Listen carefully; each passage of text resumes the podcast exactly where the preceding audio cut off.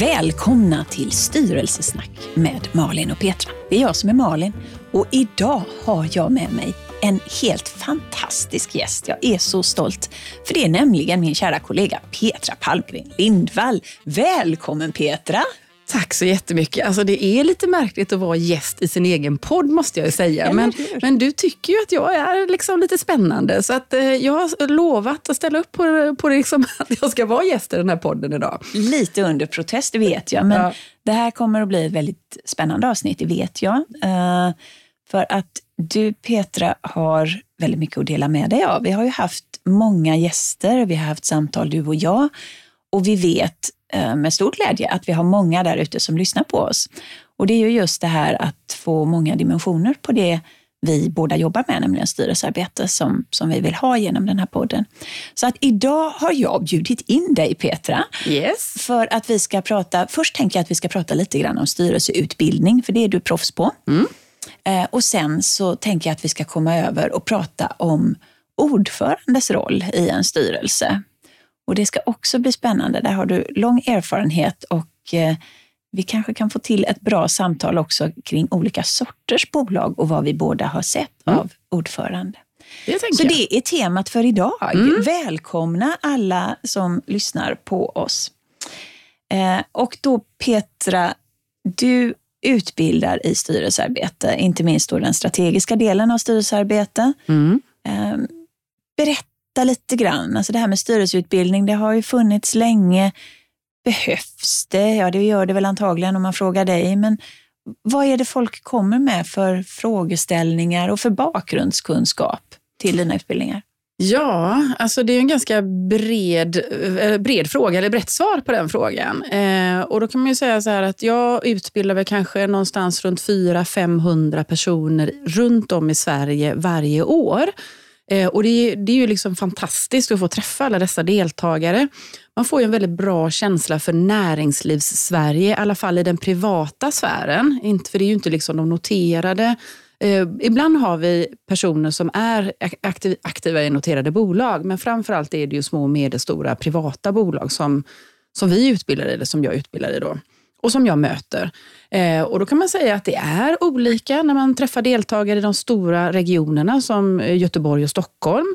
Eh, Malmö kommer jag att utbilda i, så får vi se om det, om det går under samma hatt där. Då.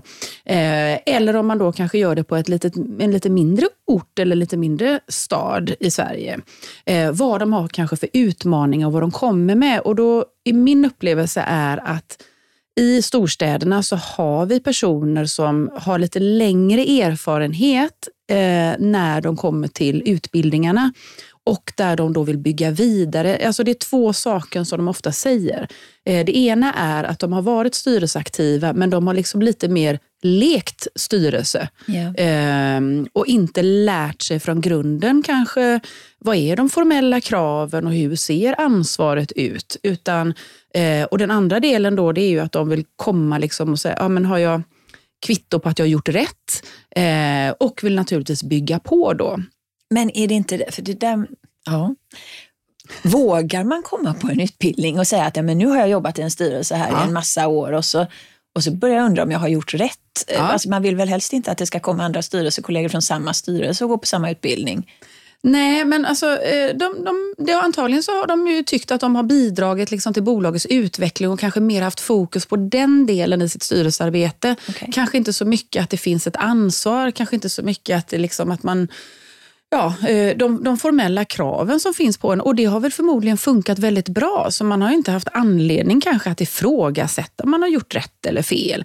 Eh, så så att, eh, ja, man kan lite grann undra men så är det. Det, det är väldigt många som kommer. Och, eh, jag vet att du och jag har pratat om detta tidigare och vi kan faktiskt se inom, inom liksom, eh, de båda könen att det ser olika ut. Eh, så. Och då möter vi ju väldigt många kvinnor som vill in i styrelsearbete som då går en utbildning först. Yeah.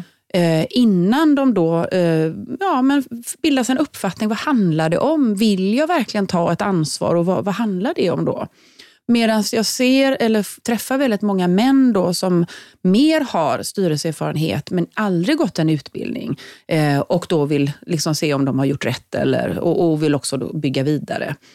Eh, ibland så möter jag ju väldigt erfarna styrelsearbetare eh, eller ja, styrelsekollegor som är stenhårda i att så här är det, men de har lärt sig fel. Okay. Så de har haft en uppfattning ganska länge om och, och förmodligen då lärt sig av någon annan som de har förtroende för och som kanske är lite mer senior. Kan du ge något exempel på vad det är för typer av nej, då, alltså, nej, men Det handlar till exempel om ansvarsfrågan. Eh, alla förstår att man är ansvarig inför bolagets eh, aktieägare och det som på stämman är ansvarsfrihet eh, för styrelsen. Den delen av ansvaret det har man en ganska god uppfattning om. Man vet nog inte så mycket vad som händer om man inte får ansvarsfrihet dock. Eh, det är ett lärande i sig. Eh, men däremot om eh, liksom det här mot tredje man, alltså att man har ett läng längre gående ansvar då som inte bara handlar om, om aktieägarna. Att man faktiskt kan stå till svars för Alltså det personliga ansvaret inför då, ja men myndigheter, kunder, leverantörer som anser då liksom att bolaget har orsakat en ekonomisk skada och det skulle kunna få konsekvenser på det personliga ansvaret. Det är väldigt få medvetna om. Okay.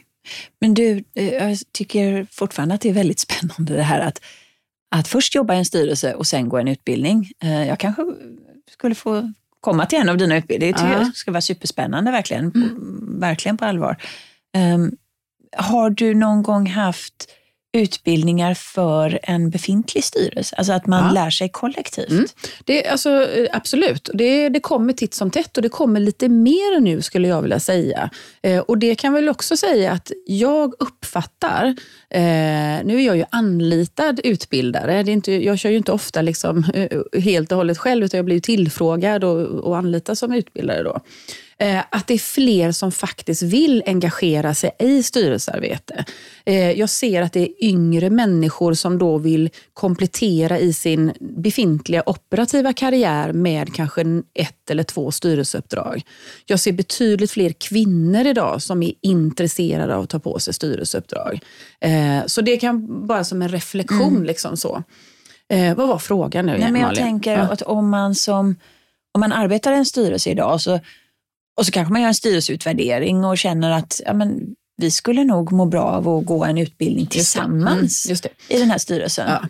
Nej, men, eh, och det ser vi. Eh, det kommer lite mer den, den typen av förfrågningar. Så att det gör jag eh, titt som tätt, utbildar i en och samma styrelse. Och det som är det positiva i det då, det är ju att man liksom går därifrån mm. med samma definitioner. Man har samma, hört samma saker, man har resonerat och ställt frågor och lyssnat till, till svaren på de frågorna. Så att man har ju en helt annan vad ska man säga, grund att stå på som styrelse. Alltså yeah. Man har ju lyft sig några nivåer i insikten om styrelsekunskapen så att man istället kan ägna sig mer åt sakfrågorna och åt kanske det som är eh, det strategiska arbetet och hjälpa bolaget i, i, i, dess utveckling. Sen kan jag också känna i en sån utbildning att, att man som styrelse då kan lyfta upp faktiskt konkreta frågeställningar på bordet. Ja, men det gör man ju. Ja, ja. På ett annat sätt. Så det är klart att det ger ju för att om du har ett styrelseuppdrag och så sitter du på en fråga, ja, men du kanske inte vill lyfta upp den för en massa människor från andra styrelser. Nej, eh, ibland kan det vara en fördel för ja. det är där man kanske vågar för ja. då, då, ser man ju inte några utav sina andra eh, styrelsekollegor Nej, och vågar helt plötsligt fråga, ställa den frågan. Men det som är, är, bra tror jag, det är ju att när det kommer in någon som jag som är neutral ja. eh, med lite mer eh, kunskap än kanske övriga i styrelsen och, och framförallt kanske då ordföranden, som kanske man har gått till och sett till och som har, har kanske anses som den mest kunniga liksom, i styrelsekunskapen. Då. Eh, så, eh, och där jag försöker ju säga att det finns liksom inga dumma frågor eller frågor som inte får ställas utan att alla är välkomna. Eh, och skaffar man, eller har man den miljön i utbildningen, då får man de här ja, frågorna som, som de säkert har funderat över jättelänge men inte mm. vågat ställa i gruppen. Just det. Så att, eh, nej, så du, där kan du ju då ställa specifika frågor. Mm. Ja, men vi gör ju så här. Eh, hur, nu, givet det vi har lärt oss, hur ska vi göra istället då? Så att jag hjälper dem ju också att ha tid till att reflektera över hur ska de omsätta det de då också fått till sig till att förbättra sitt styrelsearbete. Just det. För det kan jag känna, jag har varit med jag vet att du har också varit med och börsnoterat eh, bolag och det kommer vi nog tillbaka till om en stund. Men Eh, de gånger som jag har varit med i en börsnoteringsprocess så finns det ju också krav eh, från börsen att man ska vara utbildad och, och börsen har sina egna utbildningar. Och, och, där har jag tyckt att det har varit värdefullt när vi som styrelse, ofta tillsammans med ledningen, har kunnat gå den här utbildningen ihop. Mm. Alltså börsen har ju också ett antal öppna utbildningar mm. om, man, om man vill. Men, men just det här att faktiskt då, som jag säger, kunna lyfta upp frågor på bordet har varit värdefullt som, mm. som styrelse och att man kan falla tillbaka på det som mm. du säger. Mm. Vad är den konstigaste frågan du har fått på dina utbildningar? Den konstigaste frågan? Eh, nej men det kan nog ha, alltså, eh, det, det, finns ju två delar kan man säga liksom, i utbildningen. Dels är det de mer hårda formella delarna, det vill säga det är svart och vitt. Liksom. Yeah. Eh, det går liksom inte att, att, att eh, tol- ha någon annan tolkning på, på en situation. Liksom. Vad som är ansvaret. Eh, och, och sen är det de mer mjuka delarna, alltså hur ska jag applicera vad är den här flexibiliteten som ändå finns inom vår svenska bolagsstyrning. Eh, så eh, diskuterar vi jätteofta. Men då handlar det nog mer om en missuppfattning, kanske någon mer svartvit fråga. Eh, där man är bensäker på, nej, eh, det där är inte sant, det där stämmer inte. Och då sitter man och, och googlar eh, samtidigt som jag utbildar och sen så skäms man lite grann och säger, jo men du har faktiskt rätt. Okay. Men jag kan inte liksom pinpointa någon sån här specifik fråga så, eh, mer än att det har liksom varit eh, att man är väldigt övertygad om eh, sin, sin egen kunskap i att det är på ett visst sätt som är ja, svart och vitt i, i, juridiskt sett. Liksom. Just det. Mm. Du, ehm, innan vi lämnar området utbildning så tänker jag också att eh, för både dig och mig som jobbar i, i styrelser, det är ju det vi gör mm. eh, i huvudsak i alla fall. Eh, jag kan ju ibland känna att jag törstar efter påfyllnad och det kan man ju få på många sätt. Vi har ju pratat om omvärldskunskap och, och man kan, ja men det är ju många saker, men skulle det kunna finnas någon styrelseutbildning man kan vidareutbilda sig på om man har det här som yrke och har jobbat i Nej, men jag tänker att alltså, men det finns ju fördjupningsutbildningar, så jag menar det som är basen, eh, den har ju både du och jag gått förbi. Mm. Eh, så. Men, men sen så finns det ju fördjupningsutbildningar. Det finns ju flera aktörer som då, där du går ner kanske djupare i ett område, men till exempel strategiområdet.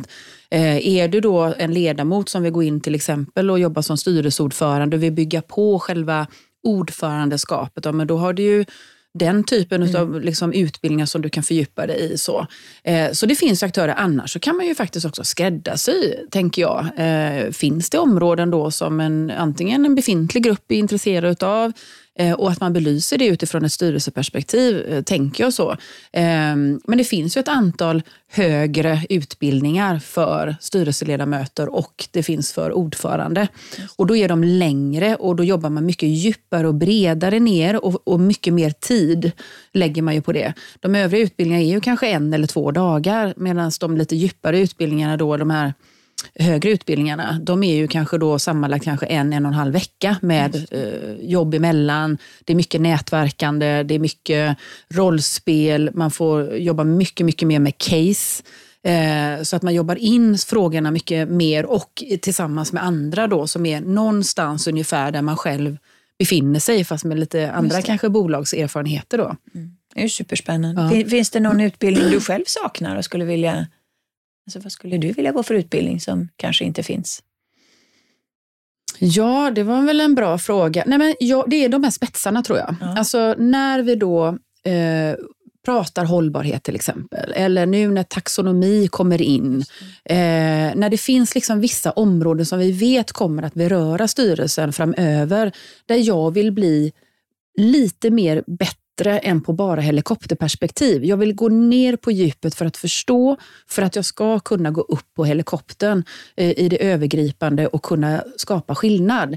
Eh, jag tänkte faktiskt på det när vi hade Katarina Blomqvist här förra mm. gången, som, då när vi pratade om grön omställning, för det ligger ju lite grann i i, i, i den fåran där. Liksom. Men är vi i styrelsen, är vi kravställare, målsättare, är vi inspiratörer, är vi utbildare?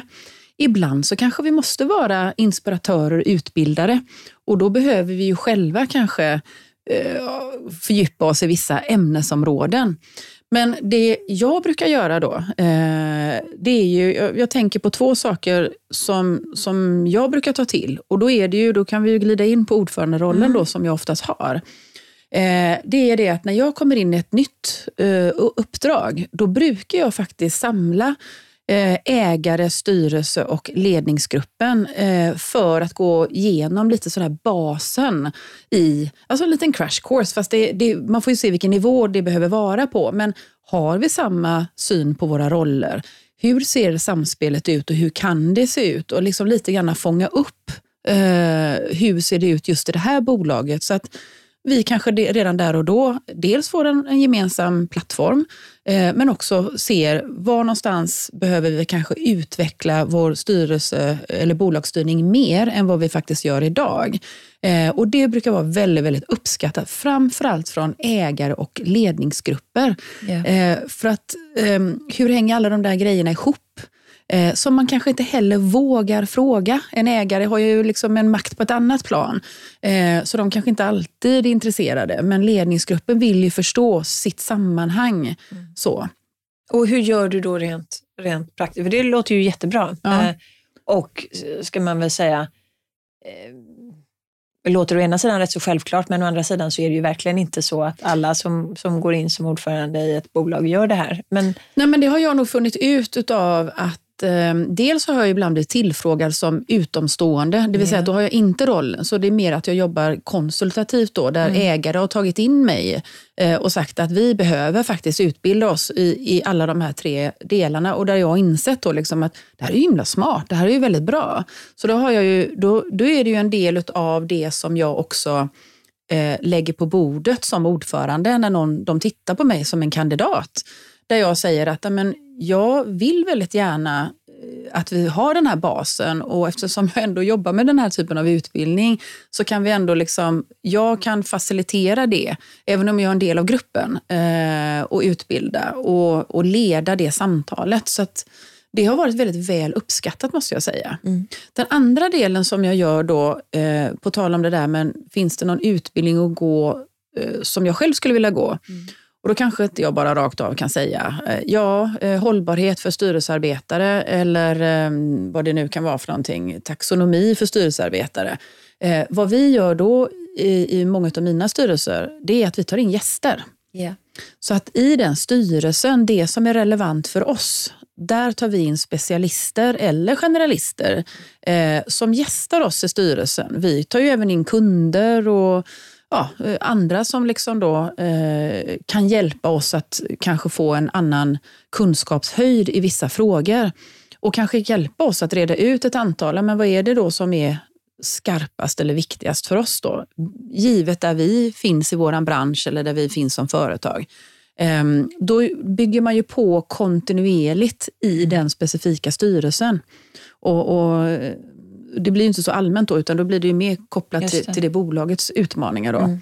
Så det är ett annat sätt att göra det på eh, och inte gå någon utbildning, men det är ju utbildande insatser skulle jag vilja säga. Just det. Mm. Och med risk för att komma kanske lite, lite fel i, i den logiska ordningen om man ska prata om ordföranderollen, så tänker jag att precis det du nämner nu är ju någonting som borde kunna komma ut ur en styrelseutvärderings dialog mm. i styrelsen. Att man mm. faktiskt identifierar områden som man kollektivt har, har ett behov av att lära sig mer om. Mm. Ja, har du sett det? Ja, det? Men, eh, men då tänker jag så här att ja, det får vi. vi, vi det finns ett antal saker som oftast kommer upp. Det är liksom att vi att man kanske då är för mycket nere i det operativa, att man inte tillräckligt har varit strategisk, att man har eh, kanske inte varit lika bra på risk, eh, alltså riskdiskussionen till exempel, eller succession, kompetensförsörjning. Alltså det är sådana återkommande där vi tycker att vi kan höja oss absolut mycket mer. Eh, men det blir de här klassiska som är liksom, vi, vi, vi ser det vi saknar där vi precis står. Men eh, vi ser ju inte det som vi kanske behöver. Alltså, vi blir lite blinda för vad vi kanske skulle kunna eller skulle behöva bygga på. Mm. Så att vi, som man frågar får man svar i princip. Och, och, då tittar ju folk ganska nära där man står och inte ett vidare perspektiv. Eh, så skulle jag vilja säga. Så jag tänker att det är bra med oss som kommer från eller är engagerade i flera bolag. För vi får ju en god känsla av vad är det som surrar och, och, och, och händer liksom där ute? Både liksom ett makroperspektiv, eh, men är man någorlunda, kanske inte i samma bransch, men liknande branscher, ja, men då plockar man ju upp liksom, några är ju lite före de andra eh, och har en ganska bra känsla för. Liksom. Ja, men nu börjar det surra här borta. Liksom. Eh, det där kanske vi borde prata om eller titta på mm. eller börja fundera över lite grann. Eh, och, och skjuta in då det i, i några av sina styrelseuppdrag då och, och bjuda in gäster och föreslå och Det kan de jag teman. verkligen bara bekräfta och, mm. och hålla med om. Att mm. det, det, är ju så att du plockar upp en fråga antingen för att du har ställt den själv eller för att någon klok kollega mm. har ställt den. Mm. Eller för att en VD har presenterat den i bolag X och så plockar du med den i mm. bolag Y och Z. Uh, så det är väl väldigt bra. Och, och ibland kan man ju till och med agera lite matchmaking och, mm. låta bolag i olika branscher uh, lära av varandra. Men du, får jag fråga, alltså ordföranderollen, om vi är inne i den. Hur skulle du göra en, en, eh, liksom en definition? Vad ska en ordförande göra? Hur lång tid har vi på oss? Petra.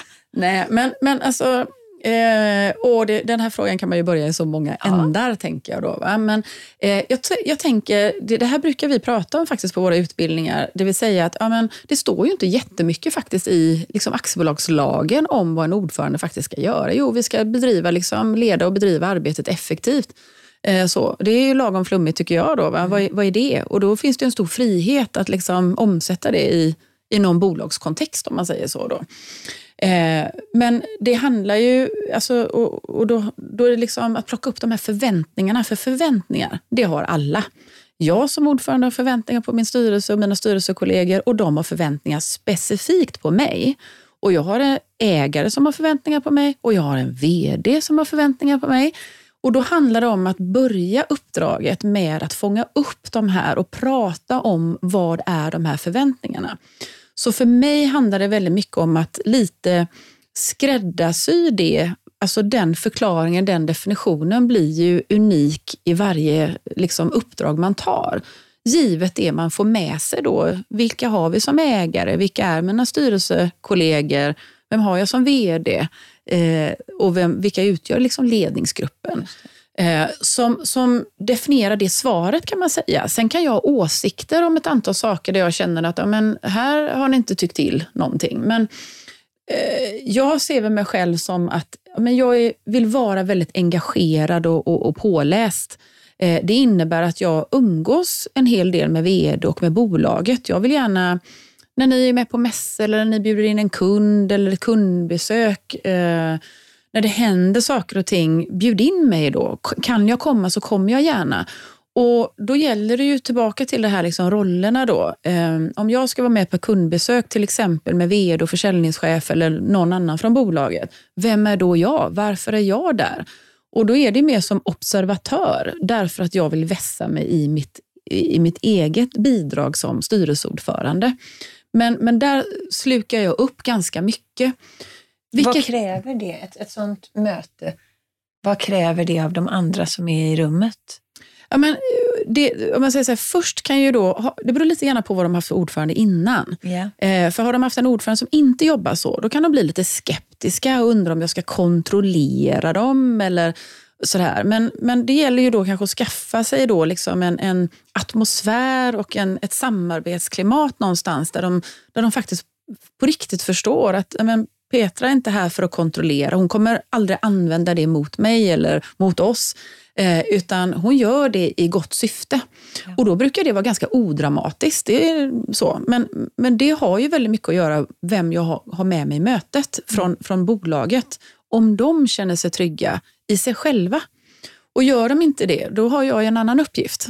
Eh, inte då att jag går på det mötet, utan då har jag en uppgift innan att försöka få en, en ledare eller en VD eller vem det nu är att känna sig trygg med att jag är med. Och hur gör du det? För det där är ju intressant. Vi, vi kan mm. komma tillbaka till mm. de andra du har att göra med. Ja. Du kan det, väl sannolikt påverka ja. lite mm. grann din styrelse. Eh, ägarna väljer ju dig. VDn har ju inte oftast valt dig. Nej. Um, och du kan byta vd mm. Uh, mm. någonstans. Så att, ja. hur, hur, hur jobbar Fast du med det? Oftast, ja, det är väldigt, jag kan säga så här, ibland kommer man ju in i sammanhang där man inte får byta vd. Mm. Man kommer in i familjeföretag och då vet man det, att det är, det är en, eh, en restriktion man har. Mm. Eh, vd byts inte ut, för det, det är det som uppdraget handlar om. Det är att ha den settingen så att säga. Då, va?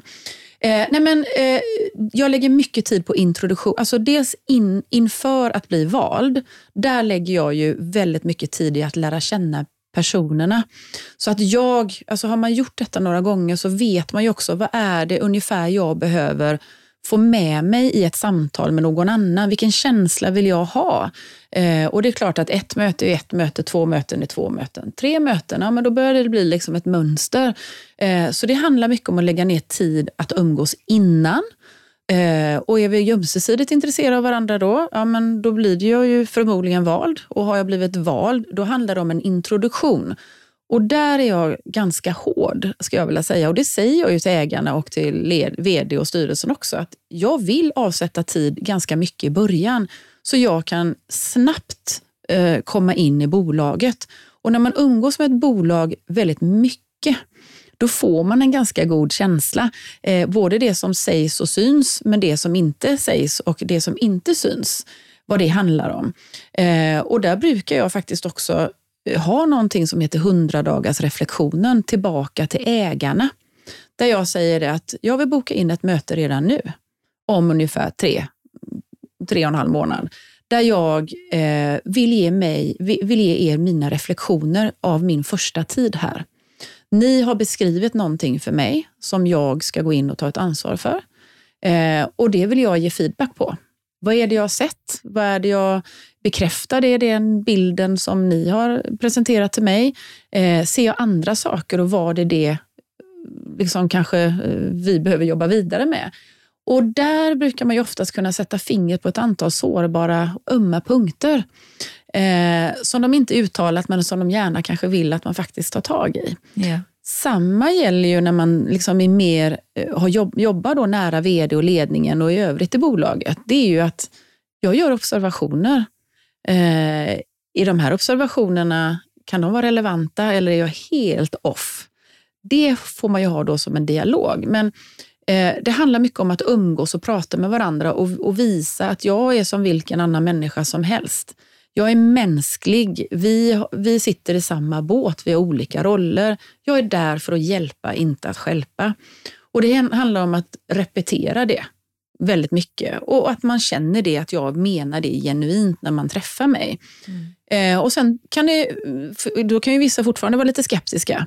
Och då kan det ju vara så här att när man kanske har varit i några tuffa punkter med någon, med liksom framförallt vdn då kanske, där de har känt att nej, men hon stöttade ju mig. Hon eh, hjälpte mig eh, i den situationen. Hon satte mig inte på pottan. Då är det klart att då bygger man ju också ett förtroende. Och så, så att, men jag, jag försöker att gasa på den utvecklingen yeah. tidigt. Det är mycket som ska hända ja, där. Och då har jag ju en egen, om inte bolaget själva har en introduktionsplan för mig, vilket de sällan har, mm. Eh, så har jag min egen. Där jag säger att de här grejerna skulle jag jättegärna vilja göra mm. ganska, på ganska kort tid. Mm. Eh, kan ni hjälpa mig med det? Och du, den här 100 dagars reflektionen mm. gentemot ägarna, hur, hur ofta eh, kommer du med, med saker som de inte alls hade sett? Eller bekräftar du oftast det som de har sett och ibland sagt och ibland inte sagt? Eh, nej, men mest vanligast är nog att det är saker som de inte har sagt. Eh, mm. men förstår att det, så är det. Eh, och nu Lite är det, falsk marknadsföring. Ja, ja, och nu är det en till som ser det kanske. Mm. Ja, fast de kanske inte har vågat eller varit säkra i var det verkligen så? För att de är så mycket inne i det själva då. Men det har varit tillfällen där jag har synliggjort ett antal väldigt tuffa saker som de inte själva har förstått. Yeah. Eh, Till exempel? Eh, nej men det, handl alltså, det handlar väldigt mycket om människor. Yeah. Alltså att, att personer eh, kanske inte Eh, räcker till i sin kunskap och kompetens och framförallt handlar det om ett ledarskap ofta som jag, som jag ser. Eh, det kan handla väldigt mycket om ineffektivitet. Alltså att man inte har eh, utvecklat sin effektiv, jag gillar inte ordet effektivitet som sådant, men att man har varit mindre bra på att reflektera över vad ska vi göra annorlunda för att bli lite, lite, lite bättre hela tiden. Utan att man eh, använder sig av gamla arbetssätt och gammal organisationsstruktur väldigt länge, men världen har förändrats, kunderna har förändrats. Eh, och man har liksom inte riktigt hängt med utan tänker att man ska kunna möta upp på, på kundens krav, marknadens krav och medarbetarnas krav som förändras med gamla organisationer och gamla arbetssätt och gammalt ledarskap. Eh, och tror att man ska få ut någonting annat eller möta en annan förväntan. Där brukar jag sätta fingret ja. oftast. Liksom, att, eh, Men du, ägarna då, om vi pratar lite grann om ägare. Um det, det finns ju, ibland finns det ju en ägare, ibland finns det många ägare. Mm. så. Uh, och i de fall där det finns flera ägare så kan de ju också vara mer eller mindre engagerade mm. i bolaget. Mm. Hur, hur resonerar du som ordförande där?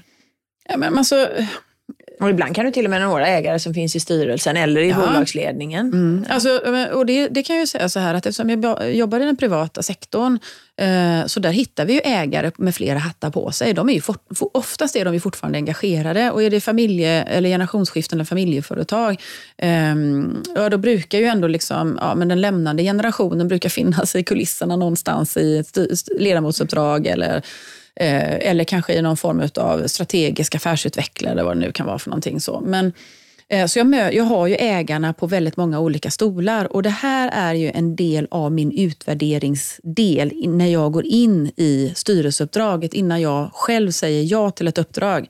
Det är verkligen att skaffa mig bilden av vad, är, vad har jag för ägare här? Är de inlyssnande, både med hjärna och med hjärta? Eh, och klarar de av sina olika roller? Det kan man inte alltid avgöra, eh, men, men på så väldigt gott sätt som möjligt avgöra det innan. då.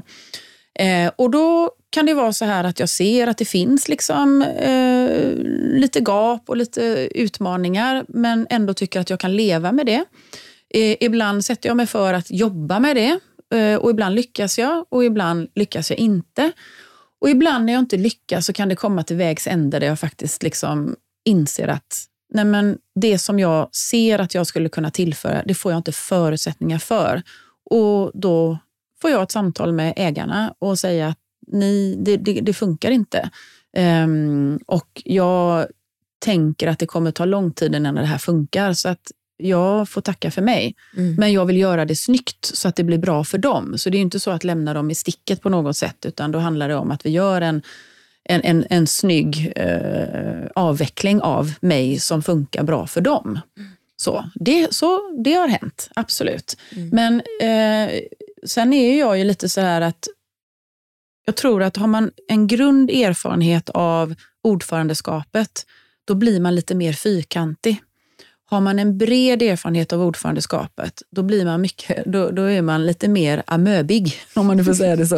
Eh, det innebär att ja, men jag kan ta ganska många olika typer av ägarkonstellationer och kontexter. Eh, och leva med det och förhålla mig till det och arbeta med det. För jag känner mig så trygg i min roll som ordförande och jag, jag har en stor verktygslåda där jag vet att ja, men, ägare som är rädda för att tappa kontroll, då, eh, inte få information längre. Ja, men hur kan vi göra det? Ja, men där har jag hittat massa olika lösningar i andra sammanhang som vi kan applicera här. Och förmodligen så funkar något av dem, eller något av dem med en twist.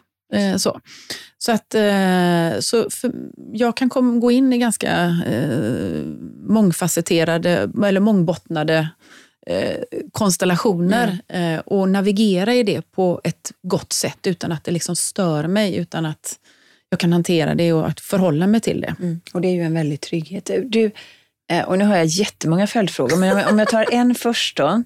Ehm, du är väldigt trygg i din roll, du har en erfarenhet och du, kan, du har liksom en verktygslåda. Eh, om man inte har samma verktygslåda, mm vem kan man vända sig till då som styrelseordförande och, och bolla liksom? Ja, men dels så tycker jag att man um, Ja, man kan ju ha en styrelsementor eller en styrelsecoach. Ja. Är det vanligt? Uh, Ja, fast det är inte så öppet. Nej. Jag får jättemycket förfrågningar. Okej. Eh, Lite hemligt alltså. Ja, de vill inte... Alltså, har, man, har man blivit tillfrågad om ett ordförandeuppdrag så, eh, och så har man kanske varit ledamot då, i några mm. sammanhang och så får man den här frågan ehm, och då känner man att ja, men styrelsearbete generellt kan jag. Men vad är ordförandeskapet och sen också det alltså som skiljer från ledamotskapet. Då. Och sen kan det vara att de är kanske inne i vissa situationer där de ska ta in kapital och då finns det, det vissa specialsituationer där de är otränade i hur ser ens process, beslutsprocessen ut för ett förvärv eller en nyemission eller vad det nu kan vara för någonting. Då. Och då behöver de liksom väldigt detaljerad coachning eller rådgivning skulle jag vilja säga. Mm. Men då är de oftast tysta i det. Då kan de komma till mig och säga det att eh, ja, men, Eh, jag vill att du finns vid min sida eh, under kanske ett halvår yeah. i början av mitt styrelseuppdrag. Och så betalar man det ur egen ficka. Eh, men man vill inte vara uppe med det. Så, det blir ju också väldigt, blir det inte väldigt konstigt? För att egentligen så skulle man ju vilja det kan ju vara väldigt konfidentiella saker också. Mm. Men då skriver jag ju oftast på sekretessavtal ja, med den personen. Inte ja, med bolaget. Inte med bolaget. Nej, utan med den personen. Eh, men man kan ju säga så här att, eh, ja, det är klart att jag kan eh, skvallra om man säger så, men jo. då skulle jag ju vara död i min mm, bransch. Alltså, så någonstans så har man väl ändå gjort en avvägning av alltså hur stor sannolikhet är det att Petra använder sig av den informationen. Eh, men jag skriver då ett sekretessavtal med den personen och ofta så har ju den personen ett eget bolag så det, det skrivs oss emellan och jag får ett ett konsultativt mentor eller coachuppdrag kan man säga då för den individen. Men sen skulle jag vilja säga lite grann som du och jag har varit med och startat ett professionellt styrelsenätverk. Mm. Att man då eh, kanske har ett nätverk med personer som man har lärt känna eller på något sätt antingen kan få tips om en person som kan ställa upp som en mentor då, eh, som man kan bolla med, eller finnas i den typen av nätverk om det finns. Det. Eh, för de nätverken ska ju man ju kunna faktiskt dryfta. Eh, inte kanske på detaljnivå, men åtminstone på övergripande nivå få inspel. Eh, hur skulle man kunna hantera ett specifikt ärende? Belysa det från lite olika perspektiv. För ofta så kommer ju de tuffa frågorna eh, då mm. och som man känner sig väldigt, väldigt ensam med. Eh, och där man kanske då är lite mer ny i rollen, men det är, även du och jag vill, behöver ju ha bollplank. Mm.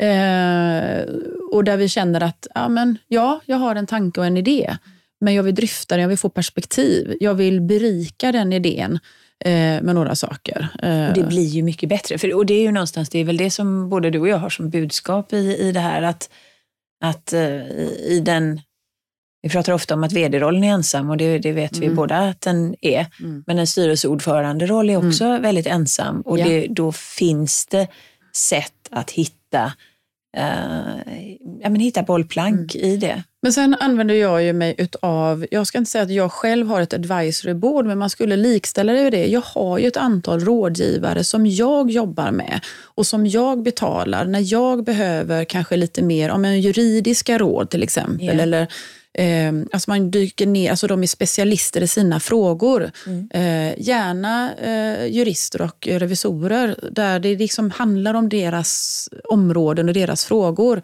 Eh, där vi kanske sitter i, i, ett case som är lite ovanligt i ett bolag. Eh, bolaget har själv kanske en jurist eller en, en revisor som, som kanske har lagt sin tanke på frågan. Eh, men där jag känner att ja, Fast det kan nog finnas flera bottnar i Just detta. Det. Så du kan få en second eh, opinion? Eh, ja, då får jag en second opinion. Och om den second opinion är skild från det som vi har fått från det egna bolaget, eh, då kan jag till och med gå till third and fourth mm. opinion. Mm. Eh, bara för att vara riktigt eh, säker eller har tittat frågan från flera olika perspektiv. Och då, blir jag ju, då tillför jag ju någonting tillbaka i min ordföranderoll. Där det är ju ingenting som bolaget betalar för, för det är ju någonting som jag faktiskt gör själv för att jag ska bli riktigt vass. Mm. Jag kan inte kunna allt, det är, det är helt omöjligt. Ja. Och då, eh, då behöver jag ibland eh, använda mig av då specialister i, e, för egen skull, men för att och det är ju en liten, alltså, det hoppas jag du använder som en liten pitch när du, ja, nej, att det, du faktiskt absolut. har tillgång ja, till det här också. Ja, ja. och sen, sen, sen så är det ju så, jag driver ju ett antal olika nätverk mm. själv. Mm.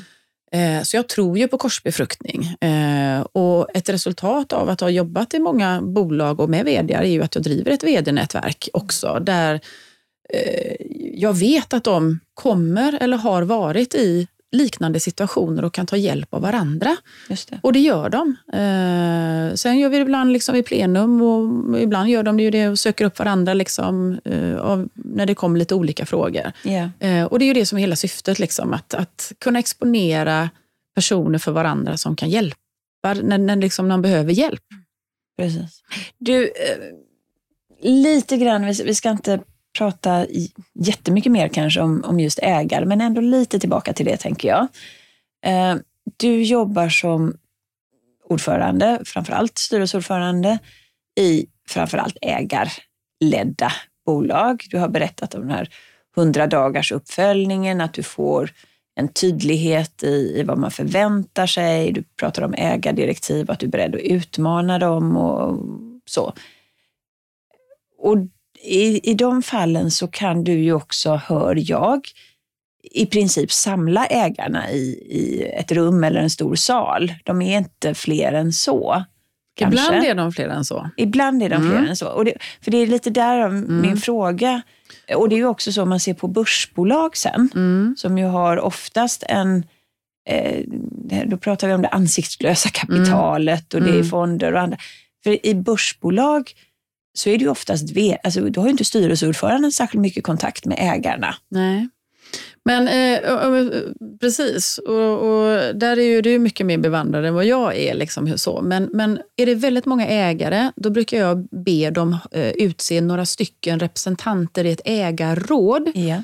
Eh, och det ägarrådet kan, kan både ägarna ge uppgifter till, men att det finns liksom en förväntansbild från styrelsen, eh, och, eller från mig, från ordförande, och säga det liksom att ibland så behöver vi faktiskt bolla vissa saker innan vi sammankallar samtliga ägare. Eh, vi vill lite grann förstå vad ägarna tänker i den här frågan som vi just nu har på bordet, för vi vet att den kanske är en utmanande fråga. Eh, det kan bli diskussioner kring den, så det handlar ju mycket om förankring. Eh, då brukar de utse ett ägarråd på kanske en fyra, fem personer eh, som de själva röstar fram på ett eller annat sätt. Eh, och sen så är deras uppgift att i så fall i sin tur Eh, om de anser att de behöver förankra vidare eller fråga vidare, ja, men då får de ta den yeah. processen eller den bollen. Eh, men då har vi de som ändå part att prata med från styrelsens sida när vi behöver det. Så, att, eh, så har vi löst det när det är för många ägare eh, som inte går att samla på det sättet i ett och samma rum. Och ibland så vill inte ägarna bli samlade även om de är 10-15 stycken heller. Mm. Utan då är ett ägarråd ganska, ganska bra att ha. Mm. Mm. Bra, tack. Du, om, om vi pratar lite grann om relationen till vd och även till övriga bolags bolaget, mm. bolagsledning och bolaget i stort, så har du pratat lite grann om det också. Jag vet en, ett av våra avsnitt där vi hade en, en av våra gäster som, som berättade att, att uh, som hade varit uh, vd uh, och som berättade att kontakten med styrelseordföranden var om det var mycket att göra så var det kanske var tredje vecka och då, då såg jag på dig, det ser inte våra gäster, att du Va? Bara var tredje vecka ja. var du beredd att säga. Ja. Så att man kan ju det är ju också viktigt att säga att man kan ju agera på olika sätt. Man kan ha olika mycket kontakt. Men du har mycket kontakt med mm. dina vd. Mm. Och jag tror att det är, för jag får oftast den feedbacken. Eh, framförallt när jag, när jag, jag har ju våran, alltså kör ju ordförandeutbildning också då. Yeah. Eh, och eh, där de liksom ryggar tillbaka lite grann och säger, herregud vad mycket kontakt du har. Är det meningen att man ska ha så mycket kontakt? Nej, det. Eh, det, är oli alltså, det är olika. Och alla bolag har olika förutsättningar. Ni som blivande ordförande eller som är ordförande, ni har andra eh, olika förutsättningar. Så att, eh, jag har kommit fram till, mm. när jag är som bäst, då behöver jag vara, ligga ganska nära bolagen. Eh, och Det här är jag tydlig med när man väljer mig. Att jag kommer att ligga nära bolagen, jag kommer att vara eh, närvarande. Eh, jag vill vara närvarande för att vara riktigt, riktigt vass på det jag gör. Eh, och inte bara vara reaktiv utan vara proaktiv. Eh, och då i, alltså, jag kan säga så här, jag tar inget ordförandeuppdrag utan att umgås med vdn. Så är det ju bara. Eh, och då är också, känner jag på vdn, pratar med vdn, försöker förstå vilka förutsättningar kommer vd att ge mig att vara närvarande. Hur hotfull eh, uppfattar vd mig? För det, det, tyvärr lever vi med det fortfarande, att det finns en stor respekt för styrelsen och framförallt styrelseordförande. Och jag tänker att, eh, och jag har sett många ordförande som har tagit sig en makt som har tagit sig en roll som absolut inte är given dem. Alltså de är given dem av andra människor och de yeah. har tagit den. Men så som jag skulle vilja säga det moderna ordförandeskapet handlar inte om makt. Det handlar inte om att du bestämmer, att du är VDs chef, som väldigt många tänker och tror. Eh, jag jobbar i alla fall inte så. Jag tror inte det ligger något gott i det överhuvudtaget. Eh, sen att man delegerar till kanske ordförande och VD att komma fram till någonting, fine, men då har hela styrelsen gjort det. Yeah. Eh, men i alla fall, så, så det handlar väldigt mycket om att vara väldigt tydlig från början att det är så här jag jobbar och får jag förutsättningarna. Eh, och tar man in mig då, då ger man oftast mig förutsättningarna, fast mm. jag får påminna ibland. Och det jag får påminna mest om, skulle jag vilja säga, det är faktiskt um, för, för mig är det väldigt viktigt med eh, att bygga upp det här liksom, kulturen och förtroendet och då eh, att vara med på en julfest eller julmingel eller en after work eller en sommarfest eller vad det nu är som bolaget har, en kick-off. Mm. Eh, ofta så bjuder man inte in sin styrelse. Mm. Och då tänker jag så här, nej okej, okay, eh, men vilka är vi då mm. i sammanhanget? Är vi någon slags avknoppad satellit någonstans? Ja, och så sitter ni och tänker att de där, där borta i styrelsen, då har man ju bidragit till den liksom, avståndet själv. Så jag brukar säga så här, det kanske inte alltid vi kan, men bjud in och bjud upp. Yeah. Eh, vi vill vara med. Alltså det är en sån vidskild, alltså sån skillnad när vi får umgås med medarbetare. Mm. Och de vet vilka vi är. Eh, man går i korridoren och tar kaffe vid kaffemaskinen och folk säger hej och vet vem man är. Mm. Ehm, jag tycker det är superhärligt och man kan då få en helt annan känsla för kulturen, för de här eh, frågorna som, som man vågar ställa eh, i det forumet. så att säga. Då, så. Och, ja, man får en helt annan gemenskap och man känner sig inkluderad. Jag tror att väldigt många styrelser kanske inte uttrycker så, men är exkluderade. Ja. Eh, och när vi gör stora insatser, kunskapsinsatser eller utbildningsinsatser i bolaget, ledarskapsprogram och sådana här saker. Eh, involvera, inte att vi ska vara med, men involvera oss. Hur, hur tänker ni? Hur har ni byggt upp de här grejerna? Liksom? Eller hur har ni byggt upp ett sånt här program? Hur går det liksom i linje med vår strategi till exempel? Det. För det är en ganska stor satsning. Så att, eh, och jag uppfattar att när, det då, alltså när vi har det här samarbetet, när det blir kris, ta pandemin, mm. eh, då har vi kommit så mycket längre i, våran, alltså i, våran, ja, i vårt förtroende för varandra så vi kan snabbare börja arbeta med, med krisen och frågorna och verkställa och göra saker och ting. Istället för att liksom hålla på, vem ska göra vad och, vem, och liksom de här relationerna som kanske då ställer till det mer kommer upp till ytan i kris. Eh, då får vi ägna oss åt det vi ska göra, det vill säga hantera krisen. Inte börja liksom, eh, kanske hantera oroliga ägare eller oroliga eh, liksom ledningsgrupper eller vad det nu kan vara för någonting. Mm. Då.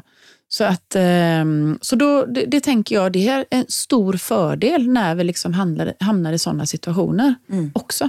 Precis. Mm. Härligt Petra. Eh, det finns väldigt mycket mer att eh, diskutera. Jag kan bara bekräfta det du säger om, både ägare och relationen till VD. Det vi inte har pratat så mycket om idag, mm. men som jag tänker att vi kommer till en annan gång, det är ju hur man som ordförande coachar eh, sina styrelseledamöter och hur man får mm. ut det bästa av styrelseledamöterna och hur man leder mötena. Mm. Men vi har ju tänkt oss fler avsnitt kring just mm. ordföranderollen. Men jag vill säga en grej till. Ja. Eh, och, och jag brukar, eh, för man pratar väldigt mycket om att man ska vara effektiv hela tiden. Och effektiv för mig, det handlar ju om att man hinner göra mycket saker på, på den tiden man har. Men att vara effektfull eller ha, få effekt av saker och ting, det handlar om att göra rätt saker. Och jag brukar prata om det, liksom, att, att vilken effekt vill vi ha? Eh, istället för hur effektiva ska vi vara? Eh, det är en del av det hela. Liksom. Och sen så brukar jag förhålla sig till frågan värdeskapande. Alltså värdeskapande i ett bolag är inte samma som i ett annat. Ta er tiden och sätt er ner och diskutera. Vad är ett värdeskapande styrelsearbete i det här bolaget? Det kommande året. Det är inte samma som förra året kanske, utan nu är det någonting annat. Hur, vad har vi på agendan på våra möten? Ska vi ha andra möten än det vi har, eh, har haft eh, sedan innan? Eh, att liksom inte bara trackla på som det alltid har varit, utan faktiskt reflektera över, okej, okay, hur värdeskapande var vi förra året och, och, och hur, vad behöver vi ägna eh, oss åt denna, liksom fram, framåt nästa år? Liksom? Eh, de två sakerna vill jag ändå ge som ett medskick i alla fall. Härligt. Innan vi Våga vara lite självkritisk och se framåt ja, egentligen. Ja, precis. Tusen tack Petra, kändes det bra att vara gäst i ja, en men, men, alltså, jag, jag, är lite förlägen, men du, som du hör, det, det, det, jag, prat, jag kan ju prata på ganska bra. Så att, nej, men jag känner mig trygg. Och ämnet, men det känns lite märkligt att vara gäst i sin egen podd, måste jag säga. Men vi du är ju... välkommen tillbaka, Ja, tack så hemskt mycket. Både som, eh, som samtal, eller, intervjuare, tänkte jag säga, men samtalspart med dig. Eh, och sen så tänker jag i nästa termin så kommer vi ha dig som gäst, för du har ju massor med intressanta erfarenheter med dig. Så att vi får återkomma till dig som gäst helt enkelt. Det gör vi. Mm. Tack till alla er som lyssnar. Tack. Ha det bra. Ha det bra. Hej. Hej.